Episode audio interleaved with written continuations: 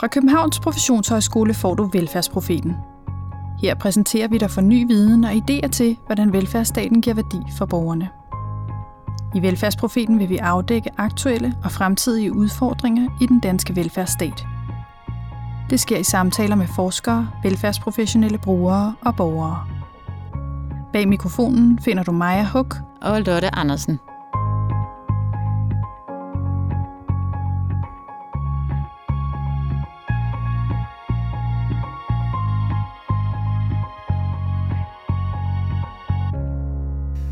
Digital pædagogik er jo et, et begreb og et ord, der er kommet meget frem her på det sidste, specielt efter øh, vi har fået corona, hvor, hvor en del af, af pædagogikken foregår igennem digitale teknologier.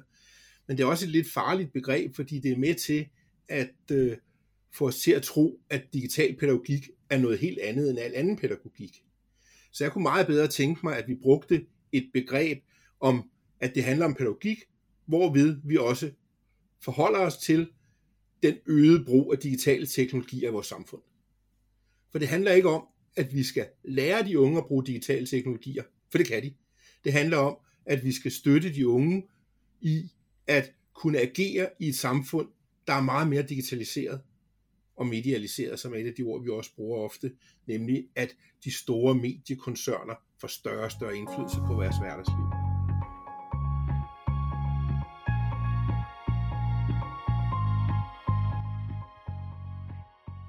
Har været et hårdt år for børn og unge. De har i lange perioder været afskåret fra skole og fritidstilbud, og dermed de fysiske samværsaktiviteter, de normalt deltager i. Den primære måde at være sammen på har derfor for mange vedkommende været forskellige digitale medier. Men allerede inden corona valgte børn og unge ofte digitale samværsformer frem for fysiske samværsformer.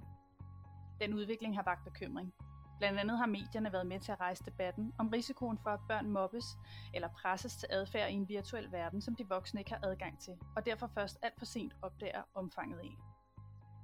Dagens tema handler om, hvordan fritidspædagogikken kan understøtte børn og unges udvikling og dannelse i en tid, hvor virtuelle samværsformer spiller en stadig stigende rolle. Til at hjælpe os med at blive klogere på det tema, har vi inviteret lektor Susi Killerik Bunde og lektor Sten Søndergaard, der begge underviser på Akademiuddannelsen i fritidspædagogik på Københavns Professionshøjskole. Velkommen til, Susi. Tak skal du have. Og velkommen til dig, Sten. Ja, tak.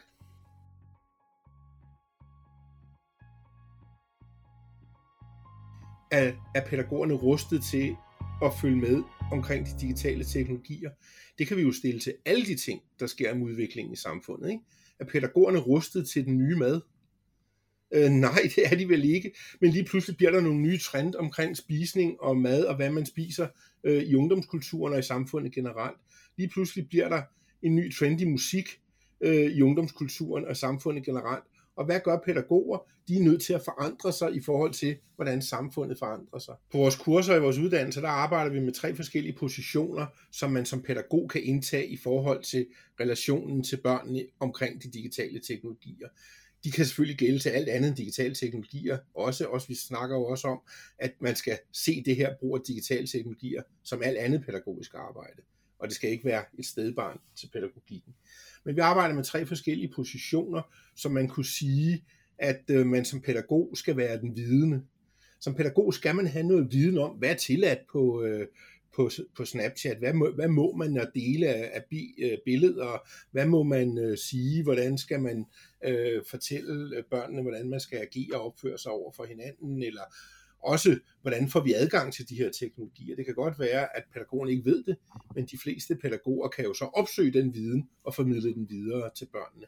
Det er den ene position, at man den, som børnene kan søge råd hos, man er den, som kan give børnene øh, en form for viden, eller hvis man kan give viden, så kan man i hvert fald formidle viden.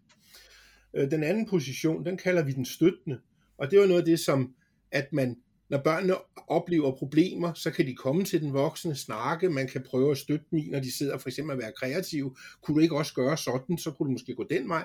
Ligesom de fleste øh, pædagoger på sygeværkstederne er, de øh, siger, Nå, hvis du nu syede sådan, så kunne du øh, få et bedre resultat af det. Den position er også vigtig at indtage i forhold til øh, det digitale arbejde, og hvordan man agerer øh, på de forskellige sociale medier. Og den de to positioner er pædagoger faktisk rimeligt ret ofte gode til at indtage. Den tredje position, som vi har fundet frem her omkring det digitale, og som pædagoger ikke traditionelt har været lige så gode til, det er det, vi kalder at være den undersøgende.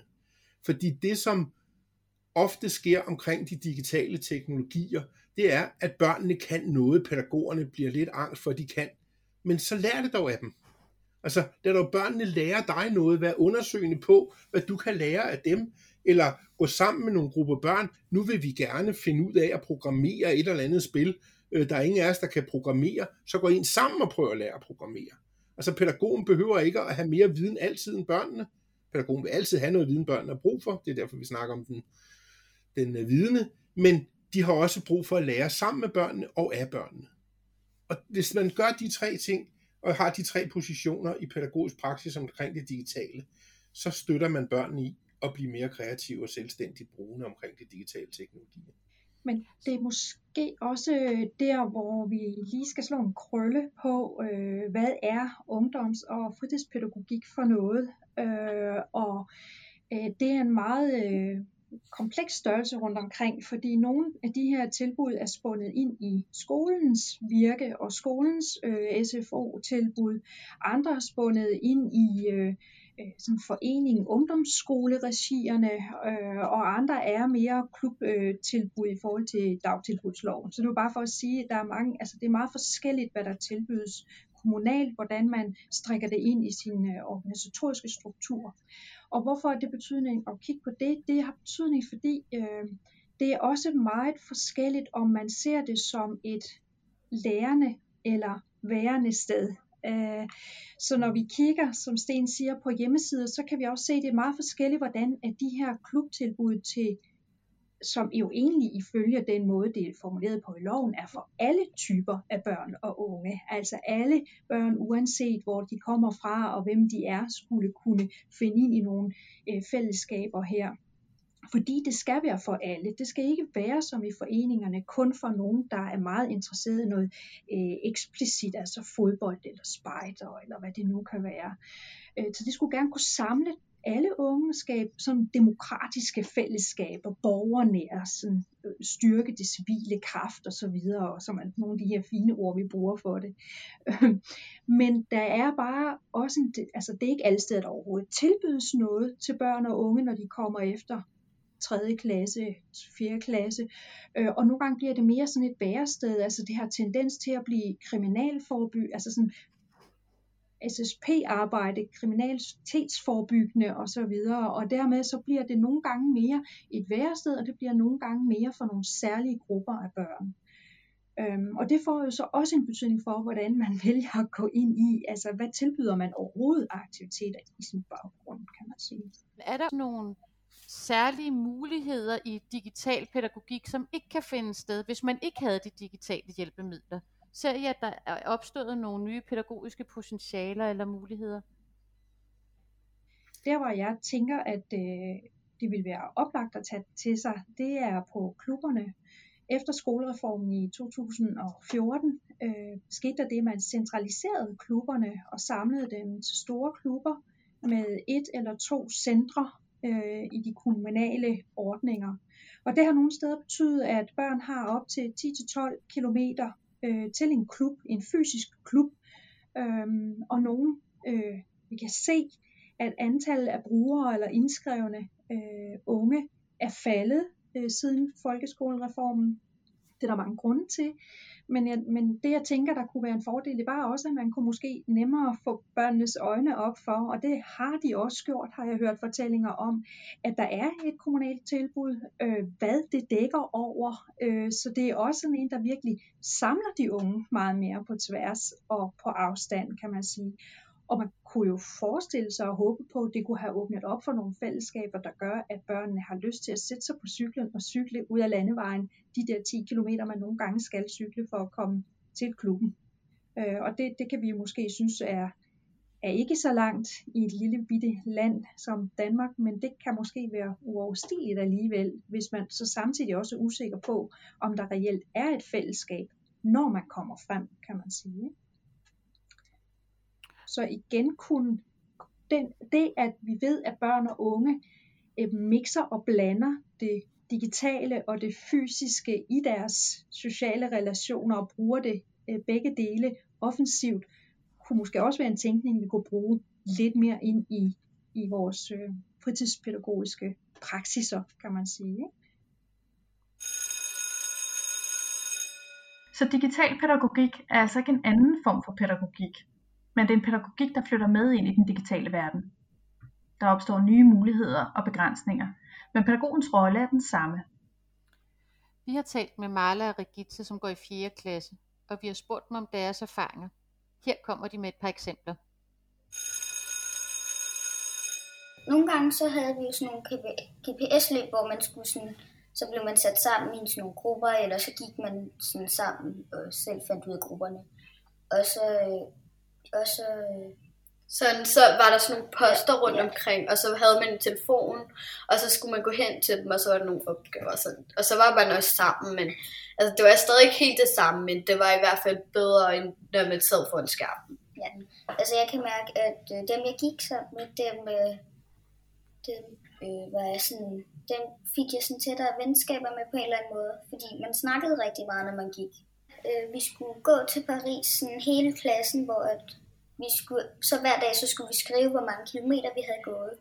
Altså sådan, jeg har været ret meget i sommerhus, men sådan, så har jeg gået en sådan, så, så, så sådan, enten kan man gøre det sådan, hvor man skriver dagen efter om morgenen, så skriver man til sin lærer, hvor langt man har gået. Eller så kan man skrive øhm, om aftenen, hvor langt man har gået. Sådan, så skriver vi ind på Teams. Så lavede de også noget online noget, hvor, at, øh, hvor man kunne lave sådan noget, for eksempel fodbold, nej ikke fodbold måske, sådan, hvor man lavede sådan, for eksempel kræger, så fik man sådan en pakke, eller så kunne man komme over og hente sådan en pose med sådan noget ting i, og så var der sådan en video lagt til. En link. Og så kunne man sådan lave det derhjemme. Kunne I prøve at fortælle lidt om, hvorfor I synes, det er så vigtigt, at det ungdomspædagogiske miljø tager den her digitale opgave på sig?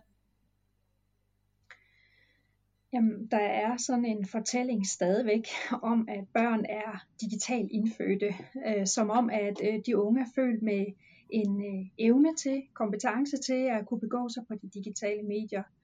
Øh, og digitale medier, de udvikler sig hele tiden, øh, og vores børn, ligesom os voksne, er jo ikke nødvendigvis bare født med sådan en evne. Øh, så øh, vi har selvfølgelig haft et særligt blik på de unge øh, i forhold til at begå sig i den verden, at de er i her nu. Men øh, i virkeligheden også til det samfund, vi i Danmark har fået, hvor vi er meget digitale. Man skal bruge e-boks, øh, e-mails og øh, apps og diverse øh, nye ting. Altså postvæsenet er ikke helt dødt, men, men vores kommunikationsformer og samværsformer øh, bredt set har virkelig forandret sig rigtig, rigtig meget. Så vi synes, det var en vigtig pointe at få frem. Øh. Og så kan man jo sige, at øh, i klubber og, og, og lignende andre fritidsinstitutioner, der har man for eksempel, når man dyrker sport eller laver idrætsleje eller noget andet, jo også ment, at børnene skulle støttes i at blive bedre til det. Sådan er det også i forhold til musik, så har man, går man til musik på skolen. Og der er det jo lige så vigtigt i forhold til den her nye kommunikationsform, eller den her er nye, den er jo ved at være ret gammel, men det virker stadigvæk som om den er, er ny i pædagogisk sammenhæng, nemlig at vi også forholder sig til børn og unges øh, brug af digitale teknologier, og også støtter op om, at de bliver bedre til det, mere kritiske aktive brugende i forhold til de her digitale teknologier.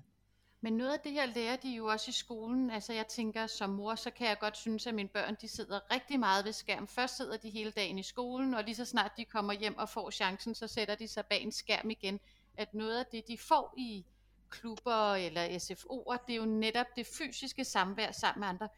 Øhm, noget af det, man kan diskutere, øh, det er, hvilke aktiviteter er det egentlig generelt, der bliver tilbudt i vores klubber. Øh, og når vi sådan prøver at kigge tilbage, så har vi sådan kigget, jamen det er egentlig meget traditionelle samværs- og aktivitetsformer, der peges på. Altså at øh, børnene skal være ude og skal lege, der skal være et kreaværksted, og der skal, altså, så der er sådan ligesom en fælles opskrift på, hvad det skal være for noget. Det, det er super fint, øh, øh, men man kunne måske også overveje, om der kunne være andre former, og om man kunne bruge øh, det teknologi, altså teknologierne, de teknologiske øh, remedier til at at udvikle og være med i de aktiviteter, så allerede pågår. Altså kan man bruge øh, nogle ting til at udvikle at lave en bamse i kreaværkstedet, eller øh, så, så børnene ikke bliver sådan nogle, øh, der bliver placeret og pacificeret bag en skærm, men bruger øh, teknologierne aktivt til at udvikle og skabe med øh, både deres egen øh, ting og læreprocesser, men også i, i fællesskabet. Øh, på, og det er der, hvor vi nogle gange har undret os over, at det ikke er inddraget øh, mere producerende og ikke øh, sådan pacificerende, kan man sige. Mm. Ja, for jeg kan også godt få sådan tanken om, jamen digital pædagogik, altså en ting er, at de kan spille sammen, når de laver multiplayer-spil og sådan noget, ikke? Øh, og en anden ting er, at man kan sætte strøm, så at sige, til noget, man alligevel vil gøre, bare et Zoom-rum. Men er der nogle andre dimensioner i en digital pædagogik?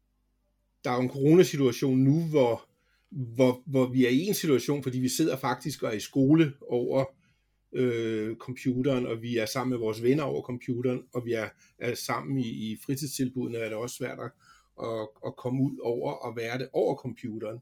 Men før og når vi kommer videre, så betyder det at være digitalt jo ikke alene, at man er over computeren, eller man sidder og spiller, men der er mange andre muligheder, som Sushi også var lidt inde på, at man kunne øh, kombinere det med andre aktiviteter. Men, men spørgsmålet om, som, som du stillede, når nu sidder børnene i skolen og lærer noget om IT, så går de i fritidstilbud, så skulle de ikke have noget med IT at gøre, og så kommer de hjem, og så sidder de foran computeren og spiller igen. Men det er vel derfor, man også skal forholde sig til det i fritidsbudene, fordi man skal vise børnene at bruge de her digitale teknologier på nogle andre og mere kreative måder, end det de bare vil gøre. Og en klub er jo et frivilligt tilbud, så vi kan jo ikke forbyde dem at sidde og bruge en computer. Det kan vi godt gøre inde på klubbens område, men så kan de sætte sig lige uden for døren og bruge deres telefon. Så, så det er jo ikke et spørgsmål om, om de skal sige, vi bruger ikke IT, eller vi bruger ikke digitale teknologier inde i klubben, men vi skal støtte børnene i at forstå og lære, hvordan kan vi bruge dem på flere måder. Ikke fordi vi skal forbyde spil eller gøre noget andet, men hvordan kan vi udvide vores horisont i forhold til at bruge de her digitale teknologier på andre og nye måder. Og hvad kunne det være for nogle måder? Jamen, Susi var lidt inde på det der med at, at, at bruge en app til at udvikle en bamse på kreaværkstedet. Ikke?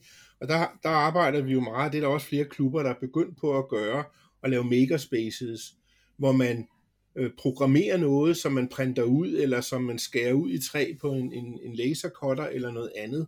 Det er jo nogle store dyre aktiviteter, hvor man bruger teknologien i sin kreativitet, eller i sin værkstedsfag, eller i hvad man ellers øh, ønsker at producere. Men vi kan jo helt ned i at lave en almindelig leg, så kan man jo bruge sin mobiltelefon til at lege gemmeleg. At man lægger sin telefon, en telefon et sted, og så ved hjælp af, af Skype eller FaceTime eller noget andet, skal prøve at finde, hvor er det, den ligger og filmer, og kan jeg finde hen frem til den. Men man jeg ved ikke, om der er nogen af, af jer, eller nogen af dem, der lytter til det her, der kan huske Kim Schumacher og noget om de gule gummistøvler. Man bør kan gå ind og se det på Bonanza, der ligger det stadigvæk. Det er jo en leg, der er mega nem at lave. Man kan sågar øh, lave den, selvom vi ikke er sammen, øh, og vi kan være i hver vores rum, at man placerer nogle øh, plastikkopper på gulvet, så tager man bind for øjnene, og så filmer man ned i gulvet, og så skal den anden guide dig til at gå udenom uden at ramme den. Der er uendelig mange muligheder i, hvordan man kan lege med de her digitale teknologier, helt simpelt på nogle helt anderledes måder. Hvor det ikke bliver et spørgsmål om, man sidder og spiller, men hvor det bliver et spørgsmål om, at teknologien bliver en del af det, man ellers kunne synes var sjovt. Men hvad siger børnene til digitalt samvær? De peger både på fordele og på ulemper. Altså jeg synes, altså da vi havde online undervisning, så synes jeg ikke rigtig, det var sådan det samme. Fordi det var meget sådan, fordi det blev ikke sådan det samme fællesskab-agtigt. Fordi vi sad alle sammen sådan, og var sådan lidt, hvad skal jeg gøre nu-agtigt. Især første gang, så ja. der var det lidt svært. Hmm der har været mere stille, fordi at man kunne mute folk. Mm. jeg, kunne, jeg kunne mærke, da vi kom tilbage, der, øh, kunne jeg mærke, at vi, var, vi blev meget mere stille, fordi at øh, dem, der larmede, eller dem, der nogle gange kom til at larme lidt, de fandt ud af, at derhjemme, der var der meget mindre øh, larm. Så fandt ud af, at det var meget bedre at arbejde sådan. Altså, nogle gange, hvis jeg lige, så er det meget fedt lige at få en computer, og så ja. kan man lige få alt det der ud, og så Fordi får man- man lige tænkt på noget andet, og så kan man lige, så, så kan man gå ind til de andre og være sådan lidt bedre humør. Altså, det kommer sådan lidt an på, sådan, hvad, sådan, hvordan ens dag har været. Sådan, hvis det har været sådan lidt nederen dag, eller sådan, så vil man helst bare sådan sidde sådan lidt alene. I sin egen verden. Ja. ja. Men Ja. sådan, hvis man har haft sådan en rigtig god dag, så er det rigtig sjovt sådan at være på kræer og lave alle mulige ting med. Eller hvis man sidder rigtig lang tid på skærm, så kan man godt få rigtig ondt i hovedet. Men så sådan, hvis man sidder, hvis man er rigtig sammen, så får man ikke sådan rigtig huse, rundt i hovedet, så kan man sådan være sammen længere tid. Og sådan. Det er også lidt sjovere at være sammen. Fordi tingene, de, de bliver sagt meget hårdere over en skærm, end de gør i virkeligheden. Eller sådan. Ja, ja Ja, fordi så man kan også- ikke helt se ansigtsudtrykket, og hvordan de sådan siger det. Men hvis man, hvis man får en ubehagelig besked, så skal man 100% sige det til en voksen. Altså, Altså, jeg har Det- prøvet at få en lidt øh, ubehagelig besked, men så gik jeg ud til min mor og fortalte det, øhm, og så dagen efter blev der så skrevet undskyld tilbage. Men man hører jo også nogle gange, at øh, de her sociale hierarkier, de flytter med ind i børnenes digitale verden. For eksempel når de spiller øh, nogle af de her kampspil, så er det ligesom den mest populære, der får lov at få alle våben, eller alle de lækre ting, eller på øh, nogle af de her dansespil, eller noget andet, så er der kun nogen, der er inviteret, og andre, der ikke er inviteret. Og nu er det jo sådan, at hverken øh, computerprocessoren eller internettet er sådan en slags paradis, man går ind i, og så ophæves alle de sociale skæld og alle de andre skæld, man har haft i den almindelige verden. Øh, det er jo nøjagtigt det samme. Selvfølgelig flytter hierarkierne med over. Men det som er, det er, at vi har jo trænet børnene siden vuggestuen til at agere og forstå de der hierarkier i den fysiske verden. Vi skal selvfølgelig også hjælpe dem til at forstå og agere i dem i den virtuelle verden. Og nu er det også sådan, at begrebet udsatte unge også er et meget, meget, meget bredt begreb. Ikke? Man kan have en form for indlæringsproblemer, man kan have en form for autisme, som man har sværere ved at indgå i sammenhæng, man kan have en tendens til at, at, at, at bo i et socialt område, hvor det er nemmere at blive kriminel, eller nemmere at komme i en bande, eller sådan noget. Der er mange, mange forskellige typer af det her med de udsatte unge. Og det, der er bare vigtigt, det er jo, at vi som pædagoger støtter alle børn og unge i at kunne agere i en verden, der bliver mere og mere digitaliseret. Og der findes mange unge, og det er jo noget af det, vi kan se i socialpædagogikken, at der er mange unge, der ikke kan bruge en computer til noget som helst i forhold til at agere som borgere i det danske samfund. Vi kalder mennesker, der har brug for hjælp for borgere, øh, når de er på institution eller andet, og de er over 18 år. Men borgere er vel nogen, der kan tage stilling og gøre noget selv, og rigtig mange af de borgere med psykosociale handicaps er ikke i stand til at bruge de digitale teknologier. Men det er vel den anden podcast. Vi ser, at øh, pædagoger ofte taler om, at, at børnene henvender sig til dem, øh, eller de fanger, at der har været nogle ting, som de har brug for at snakke om i forhold til, øh, skal man acceptere det, man hører, der sker i forhold til, når børnene spiller med hinanden? Hvad er det for en adfærd, øh, kommunikationsform, der foregår? Hvad, hvad vil man være med til? Hvad bør man gøre og ikke gøre? Øh, hvordan bør man kommunikere ind i de her forer, hvor børnene, børnene alligevel snapper med hinanden og sådan noget? Øh, så det der med at finde sig selv og finde hinanden i det, hvad er, hvad er ret og rimeligt? Øh, hvad har de brug for voksne til? Øh, og jeg siger voksne, fordi de har brug for deres forældre, men de har også brug for nogen, der måske ikke er deres forældre. Der er måske ting, der sker, som kan være rart, ikke lige skal tale med sin mor eller far om, man kan tale med en, en anden voksen om. Og her er øh, klub- og fritidspersonalet utrolig brugt af børn, fordi de henvender sig nogle gange med ting, der er svære, som de kan være flove over, skamfulde over, øh, kede af, eller på andre måder er meget rørt af. Øh, så sent som i går talte jeg med en, øh, en klubpædagog, der fortæller, hvordan at, øh, at han har hørt rigtig mange børn fortælle, hvordan det faktisk har været godt for dem at komme i pandemien og komme ind og bruge den digitale verden. Nogle børn, vi har mange, rigtig meget forskning peger på, at børn har skoleværing, præstationsangst, øh, øh, svært ved at leve op til de ting, der skal til. Øh, folk, øh, børnene diagnostiseres med, med angstdiagnoser og sådan noget. Og øh, det møder den her klubpædagog også øh, fordi han er med i både skoledelen og klubdelen af den her gruppe af børns, øh, øh, altså udsatte børns øh, hverdag. Og et af børnene har haft store angstproblematikker, der har gjort, at de ikke har set det her barn to-tre dage i skole, hvor det nu har udartet sig til, at vedkommende møder op hver dag på sin digitale platform, men nogle gange forsvinder i en halv time eller en time med en sort skærm. Øh, så, så gør de så ringer lige op og hører, hvad sker der og så noget nogle gange. Og andre gange vender vedkommende tilbage selv. Og der er så efterfølgende været en snak om, jamen øh, jeg kan lige tage en time out, når jeg har brug for det. Øh, så, så der har været det der med, at man den slags børn har været godt for. Et andet barn udtaler, at åh, nu behøver jeg jo slet ikke tænke så meget på, at jeg er på et tøj i skolen mere, fordi jeg kan jo bare lige sidde her bag ved min skærm og gøre mig lidt mere anonym. Så nogle af alle de der øh, strategier, som børn har for at finde ud af, hvad der er det rigtige at have på og tage på, og måder at agere sig på, bliver på en måde reduceret lidt. det er jo så et spørgsmål, om det så bare finder en anden form bag skærmen. Det tør jeg ikke sige, men, men der er nogle eksempler på, at det på nogle måder også øh, giver nye fællesskaber.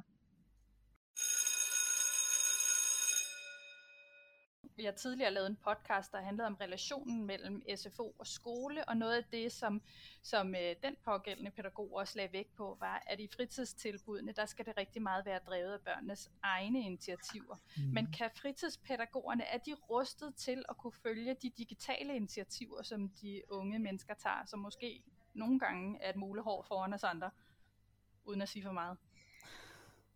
ja, ja altså, øh, jeg, der er jo lavet flere undersøgelser af, hvor er de unge egentlig henne. Altså vi ved, at de har en smartphone, fordi det har de stort set alle sammen nu fået af deres øh, forældre, fordi det er også rart at kunne få fat i sine børn.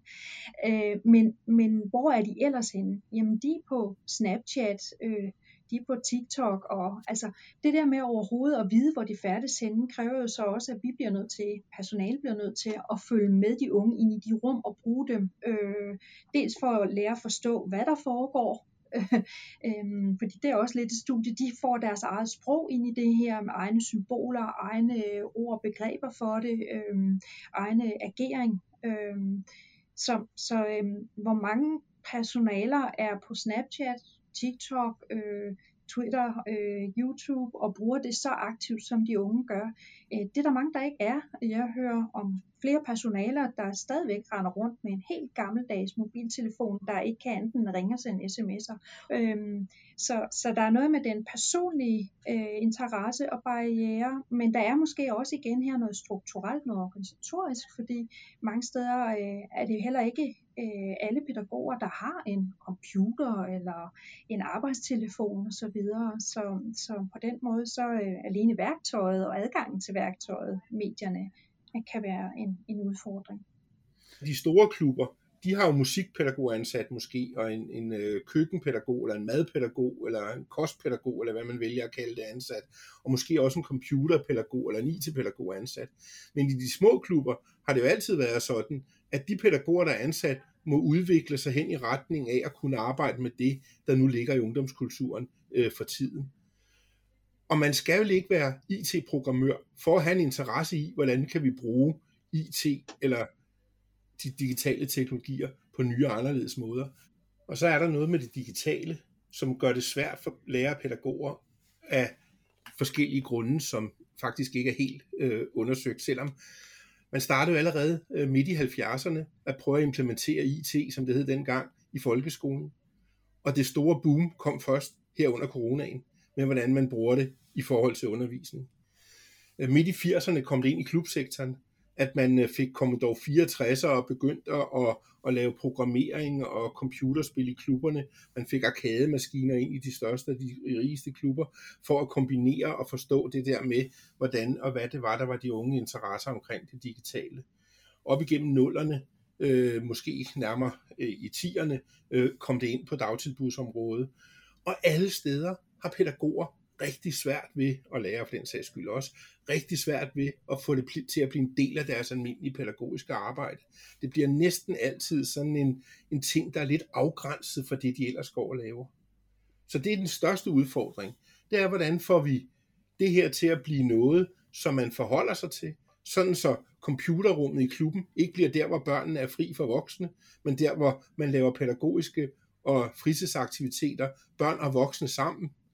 Hvordan bliver det så noget med, at man ikke har et uh, get, eller, eller, eller dance room, nu kan jeg lige pludselig ikke huske, hvad det hedder, et uh, just dance room, uh, hvor pigerne står og danser med en computer, og det er det, man har i til i klubben.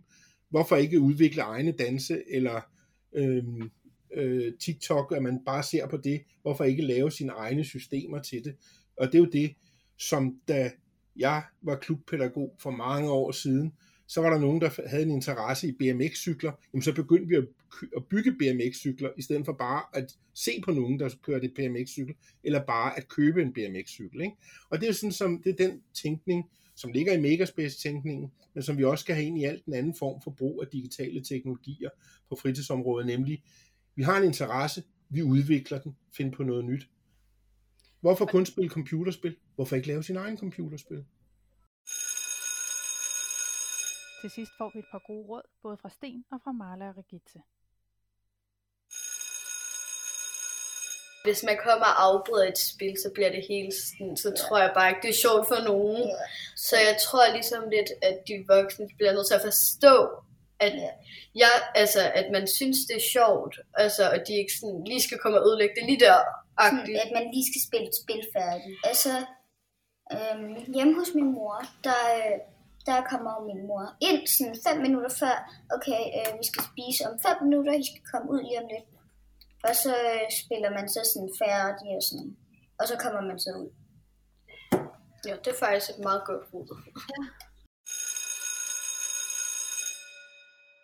det er jo i den grad et råd til både pædagoger og forældre, vær interesseret på de unges digitale liv. Fordi hidtil har det været sådan, at når de unge går på nettet, så har det været fri for voksne deres private liv. Og unge skal have private liv. Og det skal de også have på nettet. Men ligesom hvis de går til fest, skal vi jo ikke være hen og overvåge dem til festen, men vi skal da snakke om, om de har haft nogle ubehagelige oplevelser til den fest, de har været til. Og vi skal jo hjælpe dem, hvis de drikker sig fulde, øh, og hente dem, selvom at vi har sagt, at de ikke må drikke. Ikke? Og sådan skal det også være på nettet, fordi der vil de, nøjagtigt de samme, eller ikke de samme, men lignende øh, problematikker kunne opstå, noget, hvor de har brug for deres forældre og brug for deres pædagoger. Vi vil sige uh, tusind tak for i dag. Jeg synes, det har været super spændende for os at blive lidt klogere på i virkeligheden.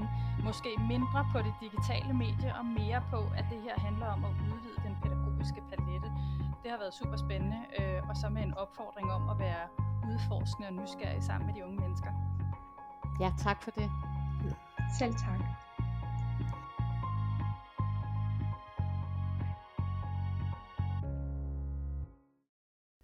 Jeg synes, det var, øh, det var en interessant drøftelse, vi havde i dag, Lotte. Jeg tænker, øh, jeg blev lidt optaget af det her med, at, øh, at nu har vi ligesom talt om digital pædagogik, og det var det, vi var optaget af. Men det, som de jo pegede på, var, at det er faktisk ikke en særlig form for pædagogik. Det er mere mediet, der er interessant, og det, man kan gøre med mediet. Pædagogikken er stadig den pædagogik, det plejer at være. Men, men fokus på, hvad betyder det, når man putter en skærm ind? Hvad giver det for nogle begrænsninger? Hvad giver det også for nogle særlige potentialer? Det synes jeg var spændende. Ja, og når du nævner det her med, at, øh, at det måske ikke er så meget i den særlige pædagogik som et særligt medie, det synes jeg også flyttede diskussionen om, hvor meget børnene må spille hen til mere. Hvad er det, de skal lave, når de er på de her digitale medier, som jeg tænker både er en mere øh, interessant og produktiv måde at tale om. Det både i det pædagogiske arbejde, men også pædagoger og forældre med imellem, og allervigtigst voksne og børn sammen så man ikke hele tiden skal slås om, at det er en halv time, eller at det er en time, de må spille. Og det synes jeg også, at, øh, at de to piger sagde så fint, at det er meget vigtigt, at man ikke bliver stoppet midt i et spil, at man faktisk forstår, at det har en kvalitet for børnene. Det handler ikke kun om, at tiden skal gå. De oplever også, at de har et vigtigt liv der, som man som voksen kan bidrage med at udfylde. Ja, det tror jeg da bestemt også, at mine børn vil sætte pris på. Vi fik nogle flere drøftelser af den øh, karakter, hvor vi taler mere indhold end tid, øh, fordi det har jeg da i hvert fald gjort mig skyldig i. Ja, ja, det kan jeg også fuldstændig genkende. og, så, og så synes jeg også det her med, at, øh, at de fremførte, at man behøver faktisk ikke at være klogere på mediet end børnene selv. Man kan Nej, det var dejligt på Ja, præcis, præcis. Så, og jeg tror, det vil kunne give noget særligt fællesskab med børnene også, at man sætter sig ned sammen med dem og siger, jeg ved ikke noget om det her, lad os lære det sammen. Tak for i dag, og husk at finde os på din favorit podcastafspiller. Der kan du også øh, abonnere på Velfærdsprofeten.